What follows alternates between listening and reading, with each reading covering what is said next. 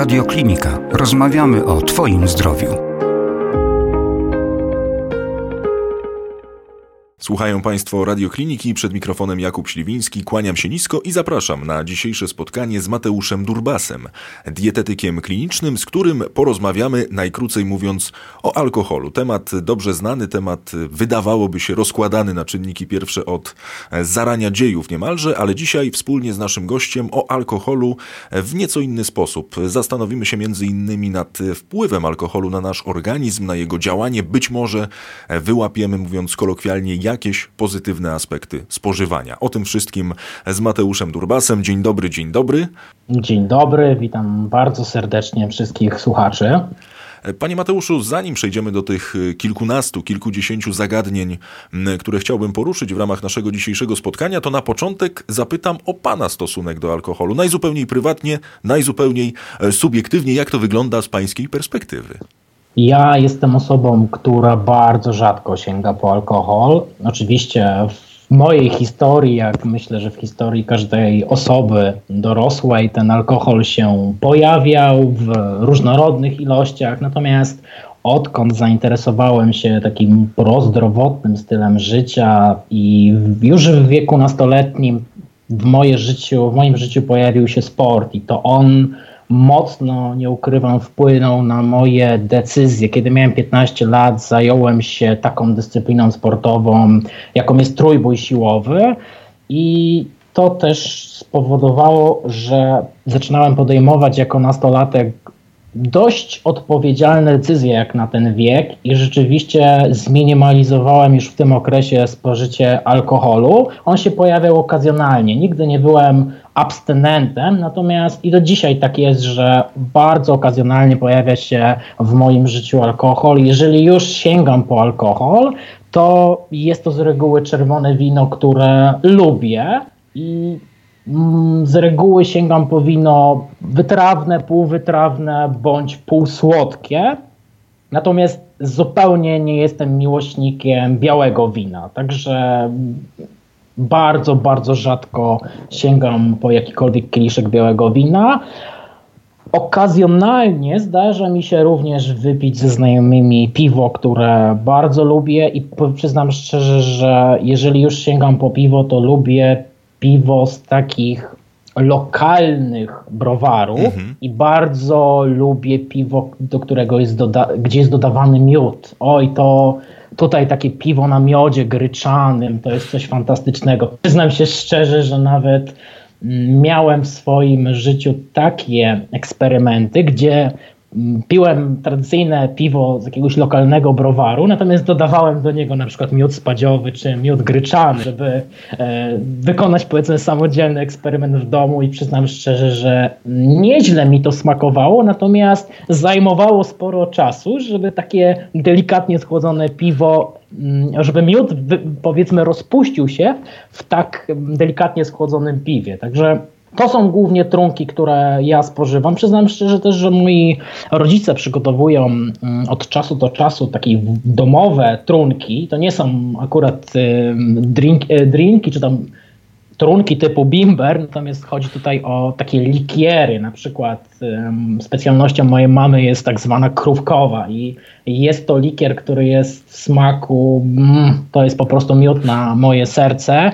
Niemniej jednak jest to bardzo, bardzo słodki trunek i z racji tego, że ja odwiedzam rodziców, kiedy ja odwiedzam rodziców, zazwyczaj przyjeżdżam samochodem, więc nie pamiętam, kiedy była okazja, żebyśmy się wspólnie napili. Zazwyczaj są to święta Bożego Narodzenia, kiedy zostaje chociażby na, na jeden dzień. Natomiast z reguły jakieś odwiedziny w weekend to wiążą się z tym, że po prostu przyjeżdżam, e, jestem pół dnia, a następnie wracam samochodem do Krakowa. Rozumiem. Czyli jednak nie taki diabeł straszny, oczywiście, żeby o alkoholu rozmawiać, no to tego wroga jednak trzeba poznać, więc jak rozumiem, e, wszystko oczywiście z umiarem i tak dalej, i tak dalej. Dzisiaj będziemy sobie o tym rozmawiali. Także myślę, panie Mateuszu, obalimy tutaj e, sporo mitów, być może podważymy niektóre teorie, które funkcjonują w rzeczywistości. Właśnie od takiego jednego z elementów e, chciałbym zacząć. Panie Mateuszu, spotyka się dzisiaj dwóch mężczyzn na antenie radiokliniki, ale zaczynamy na dobre od zagadnień, które, no jakby nie patrzeć, dotyczą w znacznej mierze kobiet. Panie Mateuszu, alkohol w czasie ciąży to po pierwsze, bo narosło tutaj także właśnie wiele mitów na ten temat. Wedle wielu badań nie są to odosobnione przypadki, kiedy kobiety w czasie ciąży pozwalają sobie chociażby na tę lampkę wina, o której wspominaliśmy. Zatem ile waży alkohol pity w tym szczególnym okresie? No niestety w przypadku akurat kobiet ciężarnych, a nawet moglibyśmy tutaj również mm, dołączyć kobiety karmiące piersią, tutaj alkohol waży bardzo dużo i brakowało dotychczas takiego definitywnego stanowiska, które wskazywałoby na to, że w okresie ciąży tego alkoholu zdecydowanie nie powinno się pić nawet w marginalnych ilościach raz nawet na kwartał. Tak więc obecnie mm, doniesienia naukowe i opiniotwórcze instytucje, które zajmują się żywieniem kobiet ciężarnych, a także kobiet w okresie laktacji, jednoznacznie wskazują, że nie powinno się pić alkoholu w okresie ciąży, dlatego że ten alkohol po prostu będzie niekorzystnie wpływał na rozwój płodu i noworodka. Także nie ma tutaj żadnej bezpiecznej dawki mm, alkoholu, poniżej której spożycie byłoby na 100% bezpieczne, a powyżej które już zawsze jest szkodliwe. Tak więc należy zachować szczególną ostrożność, kiedy kobieta jest w tym szczególnym dla siebie okresie i nawet tak jak powiedziałem, jeżeli są informacje gdzieś w internecie czy w jakichkolwiek czasopismach o nie wiemy tak naprawdę jaka jest wartość i wiarygodność tych informacji. Generalnie stanowisko jest definitywne ekspertów z całego świata, w tym stanowisko polskich ekspertów, że alkoholu w okresie ciąży spożywać kobiety nie powinny, bowiem alkohol przenikając przez łożysko może wywierać na niego działanie teratogenne, a więc takie, które będzie wywoływało wady rozwojowe płodu i przede wszystkim jest to też toksyczne działanie, stąd chodzi o to, aby zachować bardzo dużą abstynencję w tym okresie.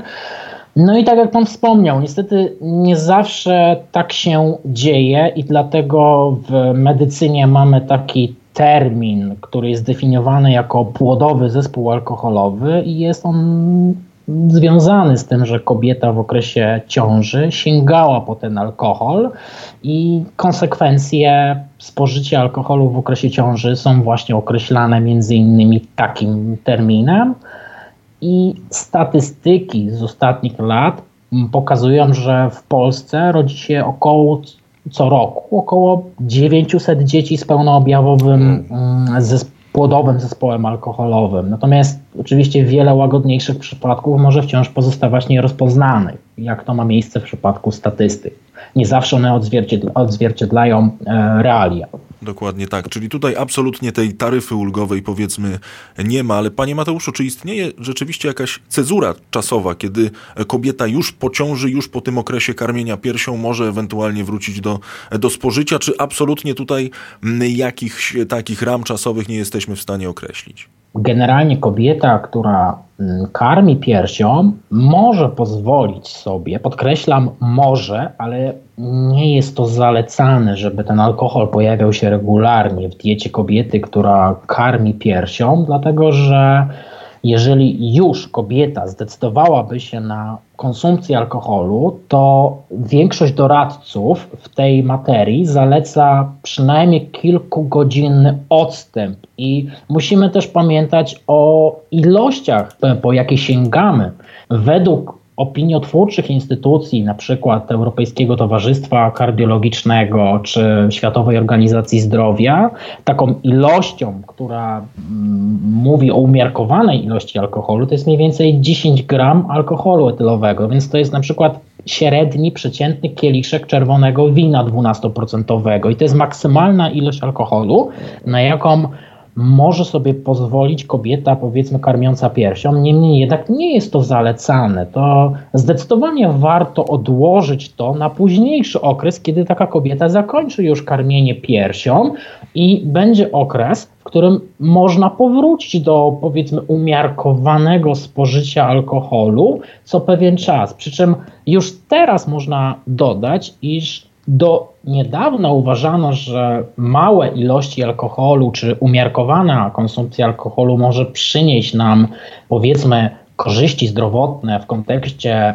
ochrony serca i zmniejszenia ryzyka występowania zdarzeń sercowo-naczyniowych. Niemniej jednak najnowsze doniesienia naukowe wyraźnie wskazują, że tak naprawdę już niewielkie ilości alkoholu wiążą się ze zwiększonym ryzykiem zgonów ze wszystkich możliwych przyczyn i automatycznie ro rośnie rozwój, mm, wzrasta ryzyko rozwoju niektórych nowotworów, chorób wątroby, chorób trzustki. Tak więc, jeżeli sięgamy po alkohol w umiarkowanych ilościach, czyli na przykład jeden, dwa drinki na dzień, czyli powiedzmy, że jest to dwie szklanki piwa, czy jeden, dwa kieliszki wina, czy jeden, dwa drinki, na przykład jeden, dwa kieliszki wódki również, to my mówimy tutaj o działaniu neutralnym, niekorzystnym. To nie jest tak, że alkohol ma w jakiś sposób pozytywny wpływ na nasze zdrowie. To w chwili obecnej jest bardzo mocno podważane i nie ma też wskazania do tego, że jeżeli ktoś jest abstynentem, załóżmy, mm, jeżeli mówimy o kobiecie, która karmi piersią, po okresie ciąży nie czuje, nie czuje powiedzmy potrzeby wdrażania alkoholu do swojej diety i nie ma absolutnie takiego zalecenia, żeby w kontekście na przykład profilaktyki chorób sercowo-naczyniowych, żeby taka osoba koniecznie wprowadzała do swojej diety powiedzmy jeden, dwa kieliszki wina raz na tydzień czy kilka razy w tygodniu. To może, alkohol co najwyżej jest dopuszczalny, natomiast nie jest zalecany. To nie jest powiedzmy napój, który jest nam niezbędny do życia, bowiem wprowadza szczególne właściwości biologiczne, cechuje się jakimiś szczególnymi właściwościami prozdrowotnymi. Zdecydowanie nie warto postrzegać mm, w ten sposób alkoholu i dlatego abstynenci, którzy stronią od alkoholu, nie nie ma potrzeby, żeby wprowadzali ten alkohol po to, aby powiedzmy przedłużali swoje życie, czy żeby zmniejszali mm, ewentualne ryzyko wystąpienia zdarzeń sercowo-naczyniowych. To jest, to jest obecne stanowisko mm, nauki. Rozumiem, czyli ta lampka wieczorową porą, lampka wina, no jednak nie będzie, tak jak, tak jak pan mówi, ona może być neutralna, ale w żaden pozytywny sposób no raczej wpływać nie będzie, tak? Zdecydowanie w tym kierunku teraz się podąża. Jest, wino jest szczególnie kojarzone jako taki produkt prozdrowotny. Tak. Wspomina się o takim związku, który zaliczany jest do mm, grupy polifenoli, a więc antyoksydantów, czy też e, jako synonim można tutaj podać termin, który się pojawia często w mediach, czyli przeciwutleniacz.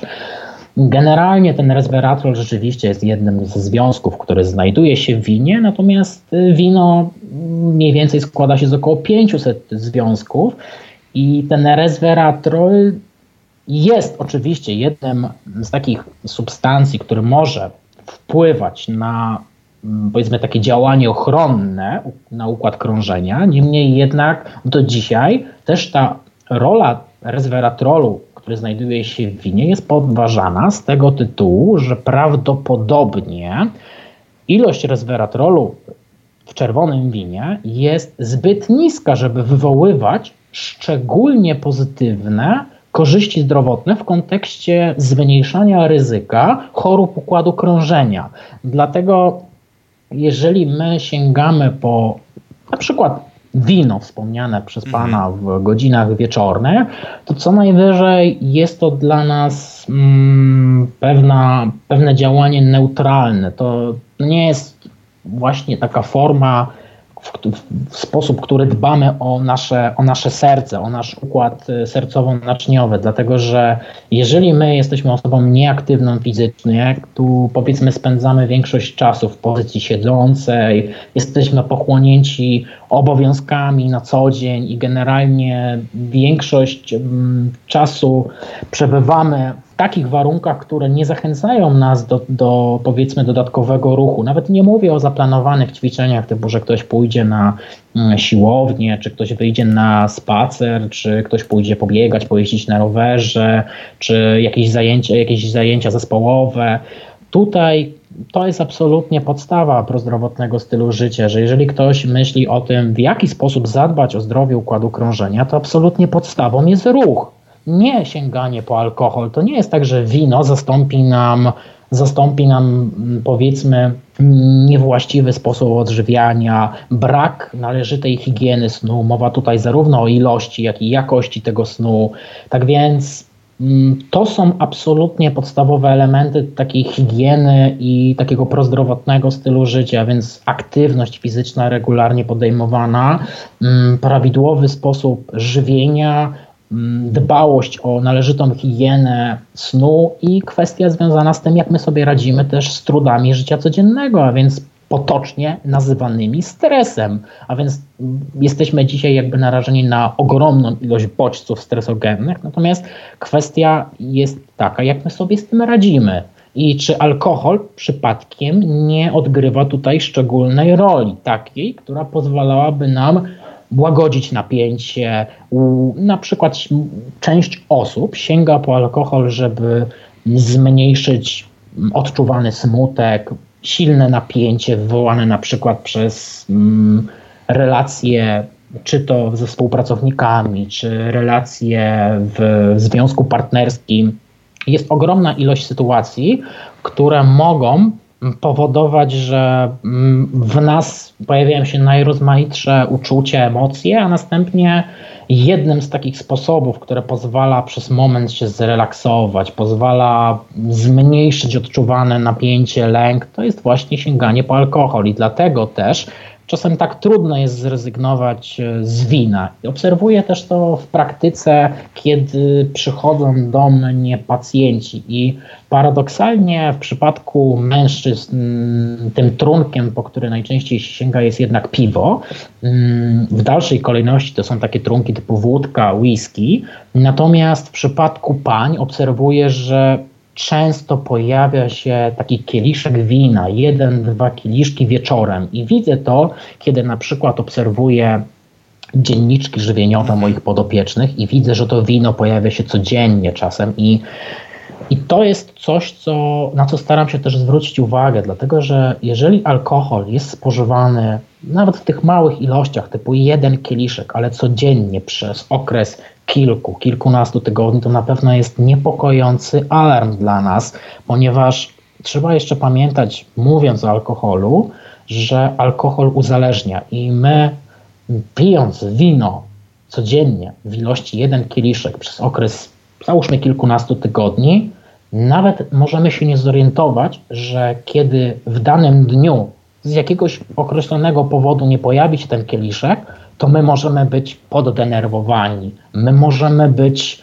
przeżywać złość, być rozdrażnieni. I to może być bardzo niepokojący objaw, który świadczy o tym, że czegoś brakuje, że dotychczas stymulowaliśmy mm, nasze neuroprzekaźnictwo właśnie jakąś substancją zewnętrzną. I to może być właśnie ten efekt związany z alkoholem, niekoniecznie oczywiście w postaci wina, może to być jakikolwiek inny trunek, niemniej jednak w przypadku panów z reguły to jest właśnie takie jedno, dwa piwa po pracy, żeby się zrelaksować, żeby się odprężyć, żeby sobie na przykład włączyć telewizor, posłuchać muzyki, czy po prostu mm, popatrzeć w telefon, w komputer. Natomiast w przypadku pani zdecydowanie częst, częstszym wyborem jest to wino i tutaj czy to jest wino czerwone, czy to białe, to już nie ma, nie ma szczególnego znaczenia. Także bądźmy bardzo uważni na ten aspekt również. Tych sygnałów oczywiście ostrzegawczych jest cała masa. Tak jak pan mówi, kiedy coś staje się regularne, no to rzeczywiście ta lampka powinna nam się e, w głowie zapalić. Ale panie Mateuszu, tak jak pan wspomniał o tym piwku, bo tak również się zastanawiam na swoim przykładzie także, bo zdarza mi się jednak ruszyć z tej kanapy, za piłką pobiegać i tak dalej, i tak dalej. Jak to wygląda, jeżeli chodzi o alkohol po wysiłku? To także jest pewna opinia, być może pewien mit, że na przykład trenerzy piłkarzy często po meczach nawet wskazują, żeby e, po wysiłku takim konkretnym, żeby po prostu piłkarz wypił to jedno piwko. Na ile ta teoria e, ma rację bytu i czy to faktycznie jest właściwe, żeby po takim piłkarskim meczu, e, kolokwialnie i brzydko mówiąc, to piwko strzelić? To jest pewien paradoks, dlatego że jednym z aspektów, na który zwraca się szczególną uwagę w badaniach naukowych z udziałem osób aktywnych fizycznie, tudzież sportowców, to jest to, że alkohol niestety negatywnie wpływa na regenerację powysiłkową. Tak więc to, co, o czym Pan wspomniał, że zaleca się spożywać na przykład piwo po meczu piłkarskim, czy na przykład piwo po jeździe na rowerze, po wybieganiu, bo przecież to jest naturalny izotonik i kwestia jest taka, że oczywiście piwo jakby zawiera bardzo, jest płynem, więc zawiera bardzo, dużo, bardzo dużą ilość wody, więc oczywiście, że nas, nas nawodni. Natomiast musimy też patrzeć z tej perspektywy, że piwo zawiera mm, alkohol i ten alkohol ma działanie moczopędne, tak więc tutaj też jest y, taka kwestia, że to nie jest mm, najlepszy napój do nawadniania się, mm, zdecydowanie lepiej w takich sytuacjach wybierać wodę, czy w przypadku, jeżeli to, jest, to, to są sportowcy na przykład zawodowi, czy osoby aktywne fizycznie, które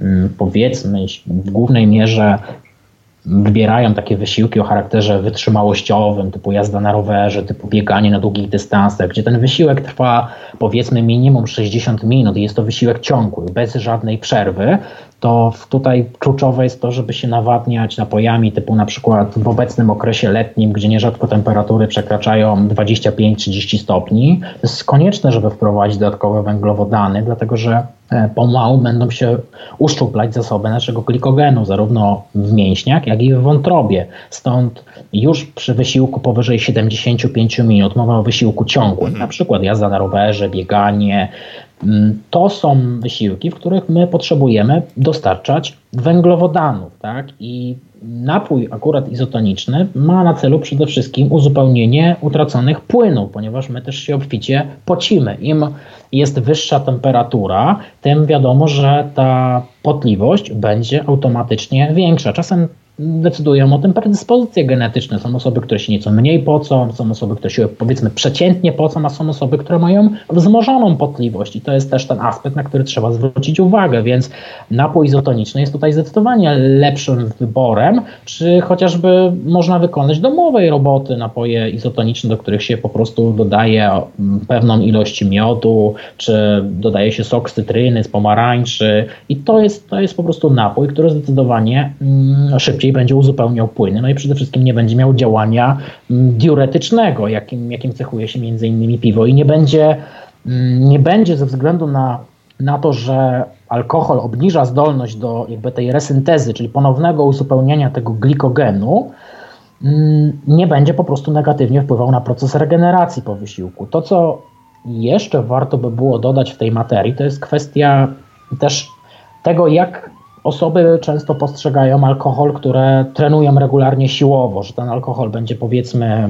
zaburzał rozwój masy mięśniowej, że mówi, mówi się, że nawet spala mięśnie. Mhm. Czy tutaj trzeba sobie powiedzieć jasno, że mm, alkohol bardziej zmniej, mamy taki proces, który się nazywa, żeby rozbudowywać masę mięśniową, my tak naprawdę dążymy do tego, żeby pobudzać syntezę białek mięśniowych. Stąd y, pracuje się między innymi na, za pomocą treningu siłowego, który jest bodźcem do rozwoju przede wszystkim muskulatury, najsilniejszym bodźcem. Mm, ponadto wprowadza się odpowiednią ilość białka w diecie po to, żeby właśnie pobudzić ten cały proces. Natomiast alkohol nie będzie tutaj mile widzianym sprzymierzeńcem w tym całym procesie, dlatego że on działa odwrotnie. My chcemy w rozwoju muskulatury pobudzać syntezę białek mięśniowych, natomiast alkohol nam ją zmniejsza. I to jest o to tutaj przede wszystkim chodzi. No i alkohol też będzie przyczyniał się niestety do obniżenia stężenia hormonów anabolicznych, czyli takich, które mają za zadanie jakby rozbudowę tkanek. No i jest to element, który niestety niekorzystnie, niekorzystnie wpływa na wszystkie osoby, których celem jest kształtowanie sylwetki. No i niestety ze względu na to, o czym już wspomniałem, czyli ten powiedzmy to działanie diuretyczne, alkohol pogarsza nawodnienie organizmu, a więc to są te kluczowe elementy, do których warto dodać jeszcze jeden klocek, mianowicie tym uzupełniającym jest to, że alkohol negatywnie wpływa na jakość snu. I to jest dosyć paradoksalne, dlatego że po alkoholu my z reguły szybciej zasypiamy, a więc skraca się ten czas, ten okres latencji, który mija powiedzmy od tego, kiedy my się położymy do łóżka i kiedy rzeczywiście zaśniemy. To on, on, jest, on jest bardzo krótki z reguły w przypadku spożycia alkoholu, natomiast kwestia jest taka, że my spędzamy znacznie krótszy czas po alkoholu w śnie głębokim, a więc jakość snu znacząco się pogorsza i to, pogarsza i to jest ten aspekt, na który trzeba zwracać uwagę w kontekście nie tylko sportowców, ale każdej osoby, która regularnie bądź okazjonalnie sięga po większą ilość alkoholu. Panie Mateuszu, pan tak opowiada, ja naprawdę chyba zrezygnuję całkowicie i nawet z tego piwka e, po graniu, tam powiedzmy w tej lidze niedzielnej i tak dalej, i tak dalej. Nie wiem, czy mam panu za to dziękować. E, w każdym razie, jeśli jednak e, zdecydujemy się na wypicie, na spożywanie alkoholu, oczywiście mówimy tutaj cały czas o tych ramach, które są powiedzmy w cudzysłowie głębokim dopuszczalne, no to jednak tą zmorą osób pijących alkohol jest syndrom dnia następnego, jest kac, jest to, co dzieje się dzień po e, spożyciu alkoholu, nawet jeżeli chodzi o okoliczności, które przeważnie są, przeważnie są jednak pozytywne. No i tutaj, panie Mateuszu, również narosło wiele teorii, jak sobie z tym kacem radzić. Mnie, jeśli pamięć nie myli, e, przychodzi do głowy jedna z takich teorii, mianowicie woda po ogórkach kiszonych. Podejrzewam, że jest tego jeszcze cała masa. Pytanie, czy ma pan jakieś sprawdzone sposoby, sposoby, na ile te teorie możemy sprzedawać. No i pytanie właściwie, czy takie, czy są elementy, które tego kaca mogą, mogą zniwelować. Kiedy pan powiedział o tej wodzie z ogórkach i tych sposobach na kaca, to mi się, mi się przypomniało zupełnie coś innego. Czym się strułeś, tym się leż. Czyli kiedy czujesz, że boli głowa o poranku, sięgnij po kolejne piwo. Albo zacznij od kieliszka wódki. Myślę, że też się pan Przynajmniej wyobrażam sobie, że pan się z tym, z tym spotkał. Niestety tak, nawet było to testowane, przyznam szczerze. Nie działa. To znaczy tak. działa, działa powiedzmy doraźnie i tak dalej, no ale potem jest chyba jeszcze większy problem. Tak, to jest oczywiście kac, to jest charakterystyczne zjawisko, którego nie zapomni, wydaje mi się, nikt, kto spożywał alkohol w swoim życiu w większych większych ilościach i to jest czymś, co jest dosyć standardowe dla osób, które uczestniczą w imprezach typu, w imprezach rodzinnych, typu na przykład wesela, gdzie no jest, alkohol jest znaczącym elementem społecznym, który można powiedzieć w naszym kraju wciąż jednoczy wiele ludzi, ponieważ jeżeli my asertywnie mm, podczas spotkania towarzyskiego dziękujemy, natomiast że nie napijemy się już więcej, to jest to też postrzegane w takiej formie, że ze mną się nie napijesz. No, często jesteśmy po prostu wykluczeni. No, no, no, trzeba tak. też nazywać rzeczy po imieniu. Tak jest. No, ktoś, kto nie pije, jest no, zawsze postrzegany jako jednak dziwny, przynajmniej no, w naszych, w naszych polskich realiach dostaje, często właśnie przykleja się takiej osobie etykietkę, że to jest poważ, sztywniak, poważniak, on jest dziwny i to jest na pewno aspekt, który w jakiś sposób wpływa też na, na samopoczucie takiej osoby, ponieważ czuje się w pewnym stopniu wykluczona, dlatego że jest inna, znaczy, że nie, że jest inna, tylko że chcę powiedzieć, że podejmuje po prostu inne decyzje, inne wybory i ma tak naprawdę to ja bym zinterpretował to w taki sposób, że ta osoba jest odważna, ponieważ potrafi powiedzieć nie, dziękuję, to nie jest dla mnie. I też przypomina mi się moje na przykład jakieś doświadczenia z weselem, z weselami, to, to pamiętam, że część na przykład gdzieś tam z mojej rodziny, członków, kiedy już nie chciało pić e, czystego, magicznego alkoholu, to nalewało sobie wody. I w ten sposób, kiedy już spora grupa, mm, powiedzmy, rodziny jest w odpowiednim nastroju, to nikt już nie jest w stanie zauważyć, że ktoś, przynajmniej niewiele osób jest w stanie zauważyć, że ktoś zamiast wódki nalał sobie po prostu wody. I w ten sposób unika, unika powiedzmy, tego typu komunikatów czy przyklejania łatki, bo jest wciąż zaangażowany powiedzmy w proces mm, to, toastu, natomiast nie ma tam procentowego alkoholu, natomiast jest woda, tak?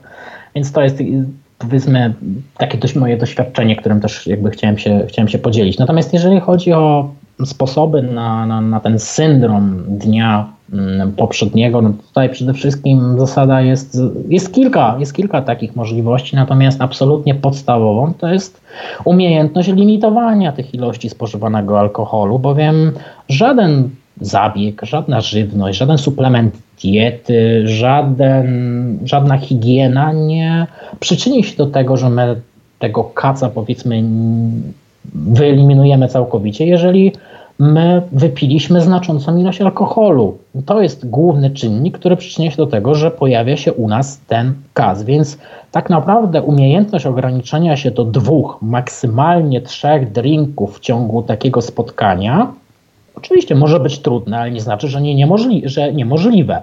To jest jak najbardziej do, do wdrożenia i to jest umiejętność też kultury picia, aby zachować spokój, dlatego że jeżeli my pijemy szybko, to automatycznie też rolą gościa w naszym kraju jest to, że kiedy widzisz, że kieliszek jest pusty, to trzeba go nalać, bo, no bo to po prostu świadczy o pewnej formie dbałości o, o gościa. I warto tutaj wziąć sobie pewną radę, że jeżeli uczestniczymy w takich spotkaniach, niekoniecznie to jest, niekoniecznie może to być mm, wesele, natomiast to, to może być, to mogą być po prostu odwiedziny, urodziny.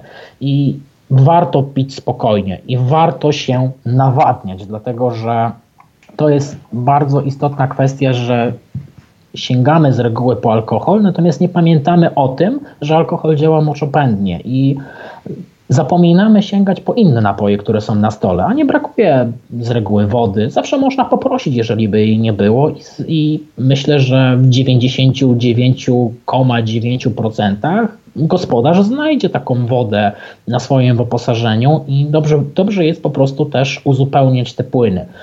Mm, dobrą opcją, co ciekawe, jest sięganie również po różnego rodzaju soki. Dlatego, że jeżeli mamy do dyspozycji powiedzmy przyzwoitej jakości produkty typu sok owocowy, na przykład pomarańczowy, jabłkowy, to te produkty żywnościowe zawierają pewne ilości chociażby witaminy C, która jest naturalnym antyoksydantem i one wywołują jakby ten efekt przeciwzapalny, ponieważ kac jest często postrzegany jako forma stanu zapalnego i stąd pijąc też razem z alkoholem tego typu mm, soki, mogą też być soki warzywne, na przykład pomidorowy. Można sobie po prostu też przynieść takie soki na imprezę i po prostu je uzupełniać to są produkty. Przepraszam, będą... panie Mateuszu, że wejdę w słowo. Czy widział pan kiedykolwiek kogoś na imprezie, na której pan był, który by przyszedł z podpachą z sokiem pomidorowym? Generalnie oczywiście to się może wydawać y, zabawne, że, że mówię o, o, soku pomidorowym i nie, nie przypominam sobie takiej sytuacji, natomiast ale przyznam, można.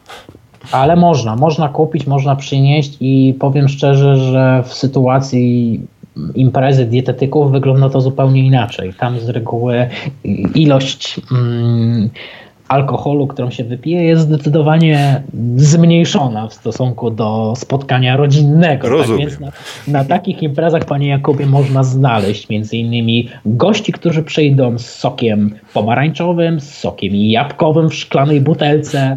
Natomiast to są wiadomo osoby, które mają pewną mm, świadomość żywieniową, ponieważ jakby zajmują się tym na co dzień, mm, obcują z literaturą i no i to się po prostu mm, też pojawia jako nawyk, tak, że i, i, buduje to świadomość. Tak więc w przypadku powiedzmy przeciętnego obywatela naszego kraju to, to ten sok pomidorowy czy, czy jakikolwiek sok mm, już bardziej owocowe są dostępne z reguły na weselach. To jest absolutnie standardem, że, że stoi taki na przykład dzbanek z sokiem jabłkowym czy pomarańczowym Paradoks tej sytuacji polega na tym, że nie wiemy, co, ta, co, do, co to dokładnie jest. Czy to jest nektar, czy to jest sok, jeżeli tak, to z ilu procent. I nie wiemy też, jak wiele, jak wiele tak naprawdę związków o działaniu prze, przeciwutleniającym znajduje się w tym, w tym napoju.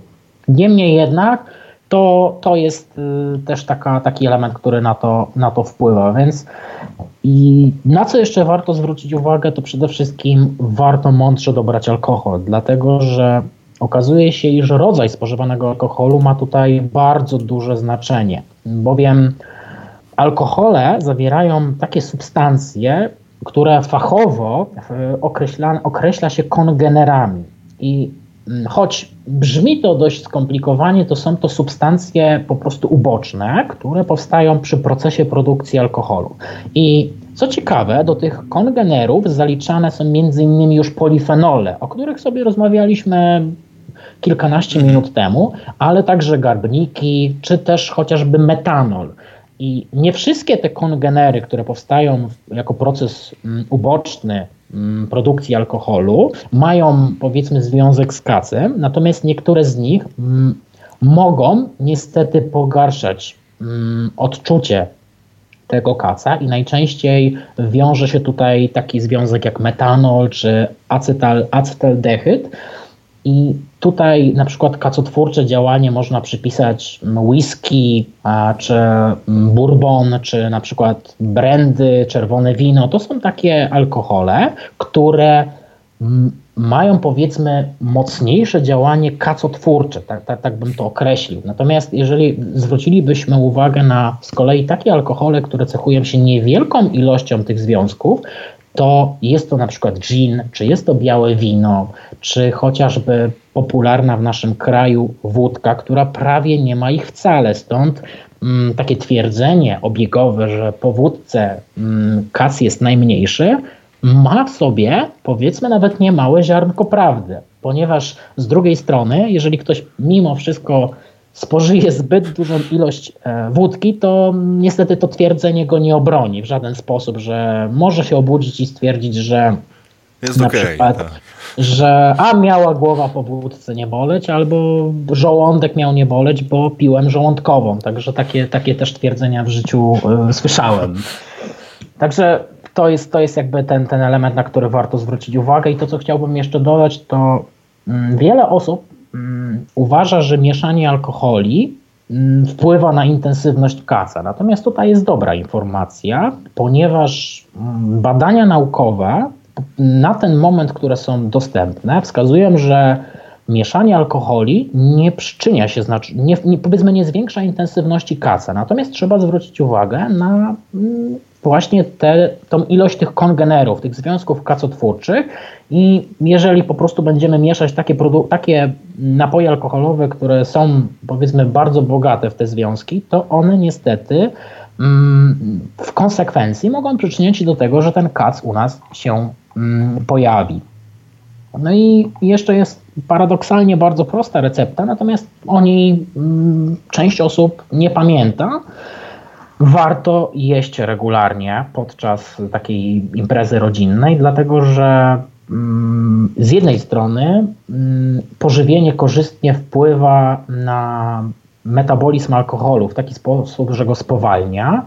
I kwestia jest taka, że jak mamy, mm, jesteśmy gośćmi na weselu, to starajmy się regularnie dostarczać energię, regularnie spożywać jedzenie wraz z wypijanym alkoholem, dlatego że po prostu będzie to miało działanie mm, zmniejszające wystąpienie kaca na drugi dzień. I to, co się mm, wraz z kacem wiąże, jeżeli my już go przeżywamy, to jest to, że mamy niskie stężenie glukozy we krwi, czyli pojawia się mm, relatywnie łagodna hipoglikemia. I tutaj konieczne jest zjedzenie po pewnym czasie śniadania, dlatego że ono z całą pewnością poprawia samopoczucie. Wiele osób, które doświadcza już tego stanu, jeżeli zje po pewnym okresie śniadanie, to z reguły to samopoczucie takie psychofizyczne ulega poprawie.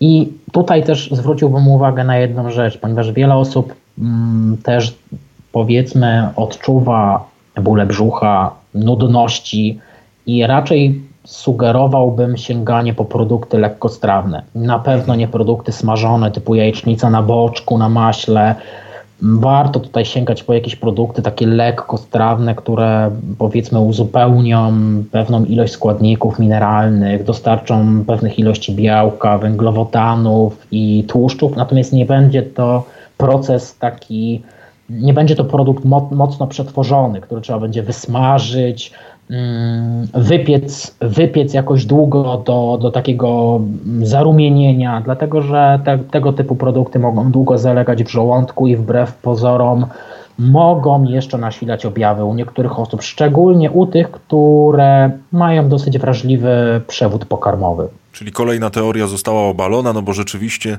dzień po ta jajecznica także się kojarzyła. E, panie Mateuszu, ale właśnie, bo kilka mam pytań odnośnie do tego, co pan powiedział. E, jeżeli chodzi o to jedzenie, bo mówi się także, że przed e, spożyciem alkoholu należy zrobić sobie podkład, że to musi być tłuste, a wtedy można, mówiąc kolokwialnie, iść po całości. To po pierwsze i pytanie, czy to prawda. A po wtóre, wspominając jeszcze to, o czym pan mówił, czyli o tym mieszaniu alkoholi, jeżeli już przy tym byliśmy, bo istnieje także teoria, teoria, że alkohol, jeśli już go mieszamy, to musi stopniowo iść, jeżeli chodzi o procent, prawda? Że zaczynamy od piwa, a później, jeżeli mieszamy, to odpowiednio wyższe, wyższe alkohole procentowo. Czy to prawda, czy absolutnie nie? Poczynając jakby od tego pierwszego mhm. Mm, pańskiego pytania, tutaj odniósłbym się w ten sposób, że niekoniecznie musimy, musimy mieć powiedzmy pełność taką poposiłkową i dopiero wtedy, kiedy jesteśmy tacy syci, zacząć konsumpcję alkoholu. Możemy to robić równocześnie, czyli pójść sobie po prostu jeden krok za krokiem, czyli jeżeli trwa dane spotkanie, możemy spożywać jednocześnie alkohol w umiarkowanych ilościach i na spokojnie, żeby to nie było tempo, bo też trzeba zwrócić uwagę, po co tak naprawdę. Czasem warto zadać sobie najprostsze pytania, po co my ten alkohol pijemy, czy on, jak on w ogóle na nas wpływa, w jaki sposób my się czujemy, znaczy jak, jak my się czujemy po spożyciu danego alkoholu, czy my nie odczuwamy jakichś objawów, które są dla nas y, powiedzmy niepokojące. Więc Tutaj nie ma, nie ma potrzeby wprowadzania szczególnie pokarmów tłustych, żeby, żeby w jakiś sposób zmniejszyć powiedzmy odczucie takiego upojenia alkoholowego. Tutaj kwestia jest taka, że jak najbardziej dobrze jest być pojedzonym i dobrze jest też mm, regularnie i w sposób przemyślany odżywiać organizm przez cały czas trwania imprezy, bo tak jak wspomniałem, ten, ten pokarm będzie spowalniał wchłanianie alkoholu, i daje też jakby to wątrobie szansę, by nadążyła za, za jego konsumpcją. I warto tutaj też podkreślić, żeby nie stronić e, od produktów zawierających sód, dlatego że mm, może ten pierwiastek, jego, jego podaż dodatkowa, zmniejszyć ryzyko odwodnienia. Tak więc niekoniecznie zachęcam w ten sposób do tego, żeby mm, powiedzmy solić silnie potrawy, natomiast nie oznacza to, że my musimy rezygnować całkowicie z soli, dlatego że po prostu on może, ten sód zawarty między innymi w soli kuchennej, czy w pieczywie, w wielu jakichś produktach typu nasiona roślin strączkowych, które dodajemy do sałatki z puszki typu kukurydza, fasola, groszek i one są często w takich polskich, tradycyjnych sałatkach jako dodatek, ale także jakieś pasty z makreli wędzonej, czy innych ryb, czy jakieś takie sałatki ze śledziem, które się pojawiają. To wszystko zależy wokół, w jakim kręgu jakby Mm, gości się znajdziemy i jaki asortyment żywności będzie dostępny na takim spotkaniu. Także to jest jeden z elementów. Mhm. I byłbym uprzejmy, gdyby pan mm, powtórzył jeszcze drugie pytanie. Jeżeli chodzi o to mieszanie alkoholi, o którym także e, wspominaliśmy, czy tutaj są jakiekolwiek zależności, jeżeli chodzi o procent danego alkoholu? Bo też narosły teorie, że jeżeli już mieszamy, no to najlepiej zacząć, prawda, od piwa, potem coś, co ma e, troszeczkę wyższy procent, a nie na przykład odwrotnie, że pijemy wódkę, a potem wódkę i na przykład zapijamy piwem, o, i tak dalej. Mhm. Powiem szczerze, że nie spotkałem się z takimi informacjami naukowymi, które by powiedzmy ten temat w jakiś sposób zgłębiały, więc trudno mi jakby jednoznacznie w tym temacie się wypowiedzieć. Generalnie wiemy, że mieszanie ogółem napojów alkoholowych nie wpływa na intensywność kaca. Natomiast Trudno mi jest jednoznacznie powiedzieć, czy gdybyśmy mm, rozpoczynali sobie zwiększanie mm, napojów alkoholowych pod, y, pod względem tej zawartości tego alkoholu, to czy to przyniesie jakieś konkretne rozwiązanie? Też pytanie, co chcielibyśmy przez to osiągnąć, dlatego że mm, unik, unikanie na przykład stanu upojenia alkoholem, czy przedłużenie czasu trwania uczestnictwa w imprezie, bo to też czasem jest y, taka powiedzmy takie twierdzenie, czy, czy takie, część osób ma takie przekonanie, że kto dłużej wytrwa na, na imprezie, ten, ten po prostu no jest twardy. Jest, jest, to, jest to ktoś, kto, kto naprawdę ma głowę i, i z nim nikt nie wygra. To jest też szczególnie w przypadku mężczyzn odgrywa się pewna forma takiej rywalizacji na alkohol. Kto więcej wypije albo kto dłużej, kto dłużej po prostu przetrwa na imprezie bez bez powiedzmy powrotu do domu. Tak? Bez przybicia gwoździa, panie Mateuszu, mówiąc kolokwialnie, może tak. Dokładnie. To, to słowo miałem na końcu języka i, i fantastycznie mnie pan po prostu uzupełnił w tej materii. Natomiast w, w, ramach jakby tej, tej teraz, w ramach tego pytania, które pan zadał, przypomniała mi się jeszcze jedna ważna rzecz, mianowicie o której nie wspomniałem wcześniej, Jest jedna też kluczowa rzecz, która dzieli uczestników na przykład wesela. Część osób jest bardzo aktywna, czyli mm, bawi się na parkiecie i chętnie uczestniczy w zabawach. Natomiast jest też część osób, które bardzo trudno zachęcić do, do zabaw. No wiadomo, jest też grupa, która gdzieś mieści się po środku w tej skali. Natomiast to, co się też będzie przekładało na taki stan, z jednej strony upojenia alkoholowego, a z drugiej na kaca, to jest to, że osoby, które częściej są aktywne, aktywne, czyli biorą udział w zabawach tanecznych i różnego rodzaju innych zabawach, które są mm, powiedzmy obecne na weselach, dużo lepiej dużo lepsze, dużo lepsze mają samopoczucie psychofizyczne w wyniku powiedzmy mm, kons regularnej konsumpcji alkoholu trwającego przez całą imprezę, niż osoby, które spędzają w takiej pozycji statyczno siedzącej zdecydowaną większość imprezy i jednocześnie też spożywają alkohol. No tutaj ta praktyka polska, więc kilka wikibasów na parkiecie, a potem orkiestra wzywa, idziemy na jednego. Tak Myślę, że to jest jak najbardziej dobry kompromis, y, który pozwala dobrze się bawić w też przyzwoitym samopoczuciu przez większość takiej imprezy. Panie Mateuszu, czasem się zdarza też, że tego alkoholu odmawiamy na przykład na imprezach, ponieważ tłumaczymy się, albo jest to też pewnego rodzaju wymyk, że przyjmujemy antybiotyki. No i pojawia się pytanie, na ile my możemy stronić od alkoholu w czasie antybiotykoterapii? Jak to, jak to wygląda w takim rzeczywistym wymiarze?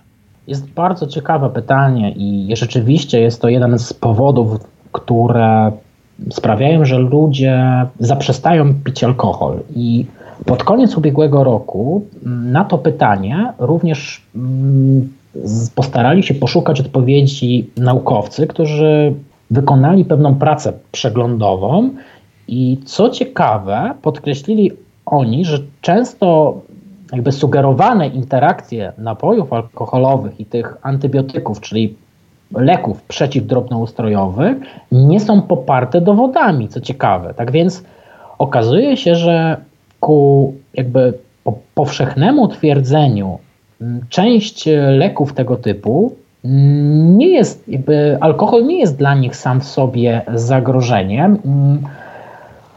Wiele jakby doustnych antybiotyków, w szczególności można tutaj wymienić popularne tetracykliny czy azytromycynę, mogą być bezpiecznie stosowane przy jednoczesnym spożywaniu alkoholu.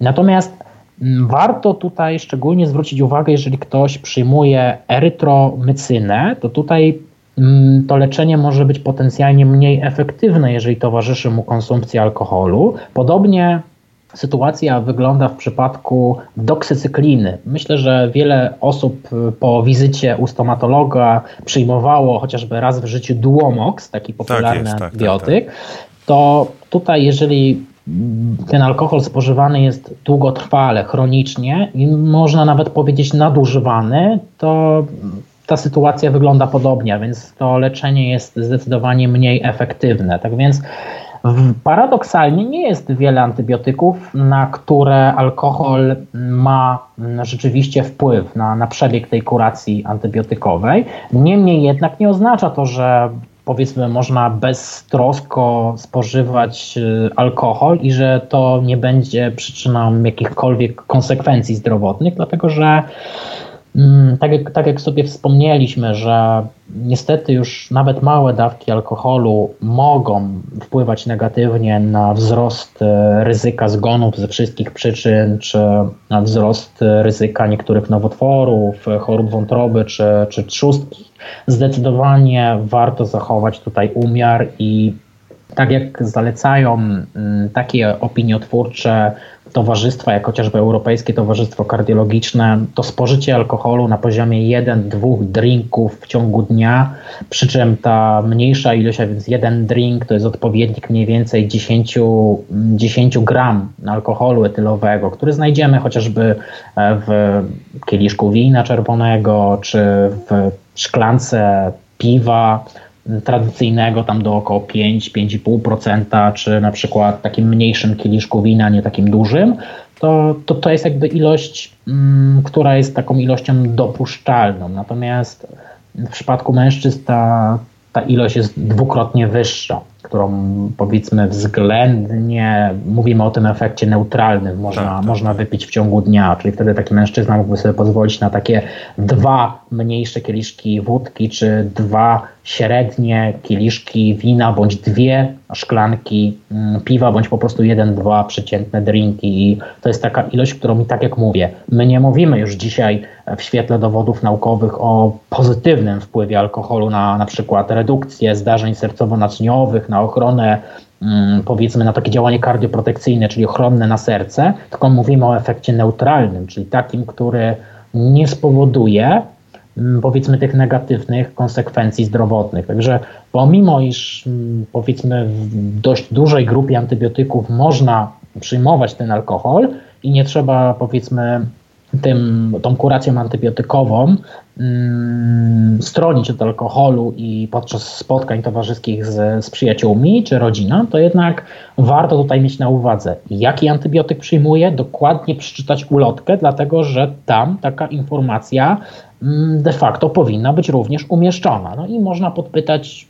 mm, również lekarza, mam, mam taką, ufam, że Lekarze też są na bieżąco z doniesieniami, doniesieniami naukowymi i mają jakby tutaj też świadomość tego, co, co się pojawia, jakby, jakie, jakie prace przeglądowe, jakie metaanalizy, które no, są bardzo, bardzo tutaj wysoko w hierarchii dowodów naukowych i pozwalają po prostu zweryfikować pewne dotychczasowe przekonania czy twierdzenia, które Mm, po prostu stały się obiegowymi opiniami w społeczeństwie. No i właśnie ten kolejny mit chyba został w tym momencie obalony. Ja tak pół żartem, pół serio powiem panie Mateuszu, że bardzo się cieszę, że moi znajomi, mam nadzieję, nie będą słuchali tej rozmowy, ponieważ kiedy na każdej imprezie pojawiało się hasło nie mogę, ponieważ biorę antybiotyk, to nikt absolutnie z tym nie dyskutował. Można mówić, że ma się jakieś problemy, że się nie chce, wtedy zawsze te jakieś różne myśli w głowie osoby proponującej się pojawiają, ale kiedy mówiło się, że się bierze antybiotyk, ok, w porządku, nic ci tutaj dolewać nie będziemy i tak dalej, i tak dalej. Panie Mateuszu, pomału i tytułem końca jeszcze chciałbym się zatrzymać przy trwałej, długotrwałej e, konsumpcji alkoholu. Podejrzewam, że tutaj nie ma absolutnie żadnych, ale to żadnych e, pozytywnych, e, pozytywnych działań, pozyty, pozytywnych oddziaływań na nasz organizm. Jak to wygląda, jeżeli chodzi o naszą wydolność psychofizyczną? Myślę tutaj o osobie, która no rzeczywiście już stale ten alkohol przyjmuje w ilościach, które nawet nie są tymi, o których wspominaliśmy, o których Pan wspominał, które nie dają absolutnie żadnych pozytywnych wpływów, są jedynie powiedzmy takim dodatkiem do naszego życia, który, który jest no, no po prostu no, nieodłącznym jakimś elementem, ale jak to wygląda w aspekcie długotrwałym? No, jeżeli chodzi o długotrwałe spożycie alkoholu, to tutaj mm, myślę, że już mówimy o uzależnieniu i tutaj to możemy mówić o chorobie alkoholowej. To jest bardzo, bardzo poważny stan i niewiele niewiele osób po prostu z niego potrafi wyjść. To jest bardzo silne uzależnienie i tutaj mm, powiedzmy do tego już potrzebna, potrzebna jest naprawdę mm, długotrwała terapia i jeżeli my mówimy o osobach, które są uzależnione od alkoholu, no bo no, długotrwała konsumpcja alkoholu no, tak naprawdę jest równoznaczna z tym, że ktoś jest uzależniony od alkoholu. Mm, no i tutaj kwestia jest związana z tym, że że jest to bardzo długotrwałe i też trudne, trudne leczenie. Powinno to też nas zniechęcać, ponieważ nie jest naprawdę łatwo wyjść z, z alkoholizmu i kiedy ja słuchałem w ostatnim okresie jakichś interesujących audycji, czy to radiowych, czy właśnie podcastów, to, to przypominam sobie z psychoterapeutami, czy, czy z terapeutami uzależnień, to przypominam sobie, że paradoksalnie to nie jest, oni, oni właśnie wspominali w, w tych audycjach, że to nie jest tak, że alkoholicy to są właśnie ludzie, których my spotykamy gdzieś tam mm, wyłącznie w tych parkach, czy ludzie gdzieś tam śpiący na ławkach, tylko to są często osoby uzależnione, to są często osoby, których my mijamy na ulicy i my nawet o nich nie wiemy. To są osoby często bardzo zaradne życiowo, o bardzo wysokim e, statusie społecznym, które po prostu znalazły sobie sposób na ujście emocji, ponieważ to jest tak naprawdę choroba emocji, to jest kwestia, jeżeli osoba ma trudność z takim okazjonalnym wyłącznie sięganiem po alkohol i kiedy powiedzmy czuje się poddenerwowana, czy rozdrażniona, czy, czy, czy nierzadko wściekła, a nawet może to być też powiedzmy smutek, czy, czy forma takiej powiedzmy handry, może być po prostu efekt tego, że, my w jakimś dniu po prostu zmniejszyliśmy spożycie alkoholu albo w ogóle tego alkoholu nie spożyliśmy. Tak więc no tutaj trzeba się mieć na baczności i w dobie jakby aktualnych e, doniesień naukowych my z tym, na ten alkohol powinniśmy w szczególności uważać i pomimo, iż on rzeczywiście w naszym kraju jest takim powiedzmy mm, czynnikiem, który spaja społeczeństwo i pozwala powiedzmy się tam, z, nie wiem czy dobrze to nazwę, ale w niektórych kręgach jeszcze jakoś zaprzyjaźnić, czy przełamać lody, to jednak trzeba być bardzo ostrożnym, i, bo ponieważ alkohol nie jest elementem prozdrowotnego stylu życia, nie jest też elementem dbałości o siebie.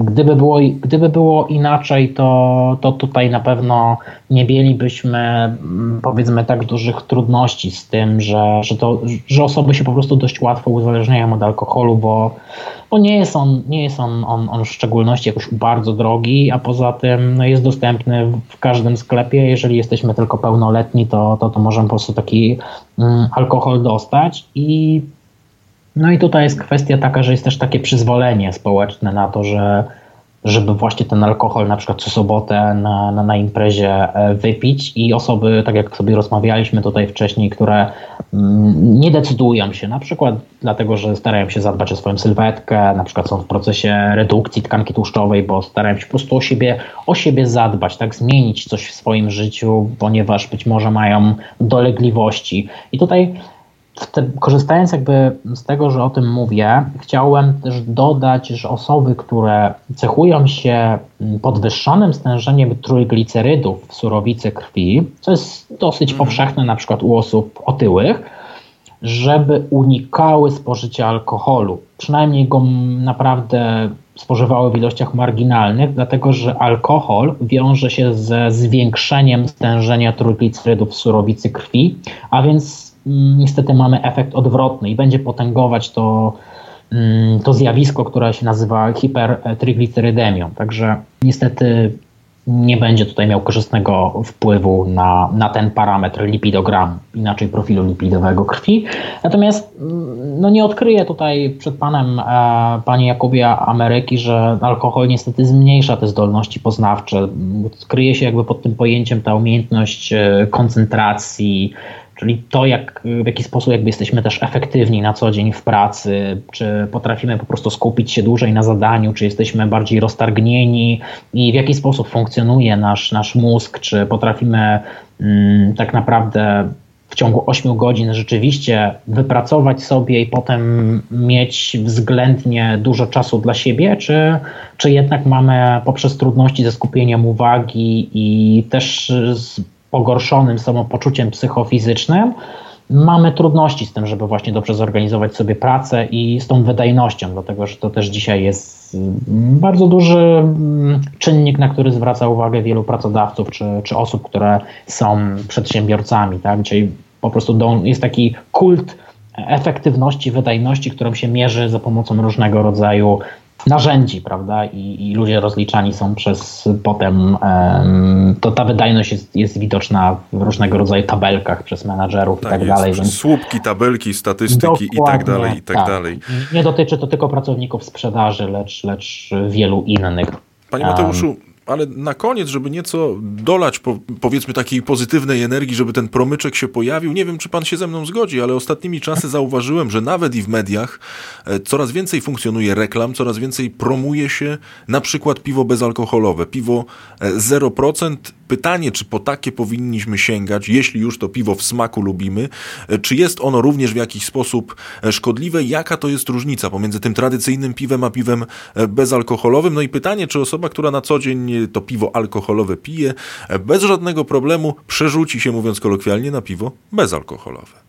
Powiem w ten sposób, że są pewne korzyści spożywania napojów bezalkoholowych. Mowa o takim tradycyjnym piwie bezalkoholowym, dlatego że na rynku dostępne są również napoje typu Radler, które też mają bardzo śladowe, albo są bezalkoholowe, albo zawierają śladowe ilości alkoholu. Różnica mm, jakby polega na tym, że tradycyjne piwo, które powiedzmy mm, w swoim składzie zawiera alkohol, przede wszystkim jest dużo bardziej też kaloryczne. Tak? Natomiast piwo bezalkoholowe, tradycyjne, będzie miało znacząco zmniejszoną ilość kalorii. Ona wynika z tego, że alkohol jest bardzo kalorycznym składnikiem pokarmowym. I na to też to jest jakiś taki aspekt, mam wrażenie, że pomijany często, na który nie zwraca się uwagi, Natomiast alkohol zawiera w jednym gramie aż 7 kilokalorii. To jest po tłuszczu drugi najbardziej kaloryczny składnik pokarmowy i warto na to zwrócić uwagę w kontekście nie tylko procesu odchudzania, ale także długofalowego utrzymywania prawidłowej masy ciała, dlatego że jeżeli jedno półlitrowe piwo w postaci chociażby butelki czy puszki mm, tradycyjne to jest blisko 250 kilokalorii, czy kieliszek wódki to jest około 111 kilokalorii, to, to naprawdę potrafi mm, znacząco zwiększyć ilość kalorii, które my spożywamy w ciągu jednej doby i zaburzyć mm, taki stan, który no, jest niezbędny do tego, żeby osoba mogła sukcesywnie tracić zapasową tkankę tłuszczową i to jest y, związane z tak zwaną ujemnym bilansem energetycznym. Natomiast powracając do Pana e, pytania, to tutaj Generalnie piwo bezalkoholowe wydaje się być, mówię o tradycyjnym, nie, nie, nie, nie piwie smakowym, lepszym wyborem niż takie tradycyjne, zwykłe piwo. I trudno jest mi też powiedzieć, czy osoba, mm, czy każda osoba przestawi się z piwa tradycyjnego, zawierającego alkohol, na piwo tradycyjne, lecz bezalkoholowe. Tutaj z bardzo, wydaje mi się to po pierwsze zindywidualizowane, jest to, jest to bardzo zindywidualizowane i będzie zależeć od danej osoby, w jaki sposób y, powiedzmy subiektywnie będzie odczuwała mm, to piwo bezalkoholowe i czy będzie w stanie wraz z czasem zaadaptować się do, do, do, jego smaku. Ja nie mam, prawdę mówiąc, doświadczeń. Mówię szczerze, że nigdy nie wypiłem w życiu piwa bezalkoholowego, także mm, nie potrafię powiedzieć, dlatego że mnie osobiście do, do piwa poza, poza tym miodowym, ale generalnie do alkoholu mnie szczególnie nie, nie ciągnie, więc nie jestem jakimś powiedzmy smakoszem trunków i nie jestem powiedzmy też wielkim znawcą różnego rodzaju asortymentu alkoholowego, więc tutaj mm, ze swojego doświadczenia nie odpowiem. Natomiast jeżeli chodzi o moich podopiecznych czy, czy, czy moich znajomych, to jak najbardziej tutaj wiele osób mm, wspominało mi, że ma bardzo pozytywne doświadczenia z napojami bezalkoholowymi. Natomiast mm, w tym temacie chciałbym się również odnieść do kobiet ciężarnych, jak również kobiet karmiących piersią, dlatego że pomimo iż producenci często deklarują, że piwo ma 0% albo do 0,5% alkoholu, to w polskim badaniu, które miało miejsce w 2018 roku, hmm, warszawscy naukowcy sprawdzili około 17, 17 piw, które mhm. są dostępne w sklepach. Mowa tutaj o piwach bezalkoholowych lub gdzie producenci deklarowali maksymalnie do 0,5% zawartości alkoholu. Okazało się, że te piwa, które miały być zupełnie bezalkoholowe, deklarowana zawartość 0,0%, realnie zawierały pewne ilości, na przykład 0,015%. W przypadku radlerów było to nawet nieco więcej. Także kobiety ciężarne mimo wszystko powinny zachowywać dużą dozę ostrożności, nawet o zgrozo w przypadku piw bezalkoholowych, dlatego że one mogą jednak, jak się okazuje, zawierać śladowe ilości alkoholu i dlatego jednak ze względu na to, iż może to niekorzystnie wpływać na mm, płód, warto jednak tutaj również odstawić przynajmniej na ten okres 9 miesięcy to piwo bezalkoholowe na półkę, która na półkę zwaną przyszłością. Dokładnie, dokładnie tak. I myślę, że tym apelem, panie Mateuszu, e, zakończymy nasze dzisiejsze spotkanie. Jeszcze na koniec e, wspomniał pan o swoich podopiecznych, no bo rzeczywiście w internecie można pana znaleźć na wielu różnych platformach. Jeśli mnie pamięć nie myli, jest to i Facebook, jest to Instagram, więc to jest ten moment, e, kiedy można o tym troszeczkę, troszeczkę opowiedzieć, jeśli słuchacze radiokliniki chcieliby się z panem na przykład skonsultować. Tak, dziękuję za taką możliwość. Ja generalnie przyjmuję swoich podopiecznych w głównej mierze stacjonarnie w centrum Krakowa, w poradni Soma Group. Tam oczywiście jestem dostępny przez zdecydowaną większość dni tygodnia, nawet y, w soboty między godziną 9 a 14 zdarza mi się regularnie przyjmować swoich podopiecznych. Natomiast mm, osoby z pozostałych części Polski, czy nawet osoby mm, mieszkające za granicą, Zdarza mi się konsultować przez różnego rodzaju narzędzia elektroniczne typu, typu Skype chociażby, czy, czy Messenger, także tutaj można mi znaleźć. Oczywiście jestem też autorem, ponieważ wielu artykułów, ponieważ uwielbiam pisać rozmaite teksty w oparciu o fachowe piśmiennictwo i można mnie znaleźć na oczywiście radioklinice, gdzie napisałem kilka sądzę, że ciekawych artykułów. Można mnie znaleźć też na portalu Medycyna Praktyczna i jest tam blisko 30 artykułów, które, które, których jestem autorem. Także gdyby ktoś poszukiwał więcej informacji na mój temat, czy chciał się zapoznać z moim z moim doświadczeniem zawodowym, z tym, w jaki sposób piszę, w jaki sposób pracuję, czy, czy mnie posłuchać y, jako mm, gościa podcastu, między innymi radiokliniki, czy, czy innych mm, tego typu mm, gdzieś tam stron internetowych promujących tematykę prozdrowotnego stylu życia, to zapraszam również na swoją stronę mateuszdurbas.pl, gdzie tak naprawdę większość tych informacji jest dostępna. Jak najbardziej i serdecznie zapraszamy, a ja, panie Mateuszu, gorąco dziękuję za to dzisiejsze spotkanie. No konkluzja jest taka, że jednak lepiej tego alkoholu nie spożywać. Myślę, że to, e, że to jest to słowo, to słowo, to sformułowanie e, klucz. Tak. Mateusz Durbas, dietetyk kliniczny, gościem Radiokliniki. Panie Mateuszu, wielka, ogromna przyjemność, bardzo serdecznie dziękuję. Dziękuję uprzejmie. Dla mnie to też była również ogromna przyjemność. Serdecznie pozdrawiam. Więcej audycji na stronie radioklinika.pl i w naszej aplikacji mobilnej.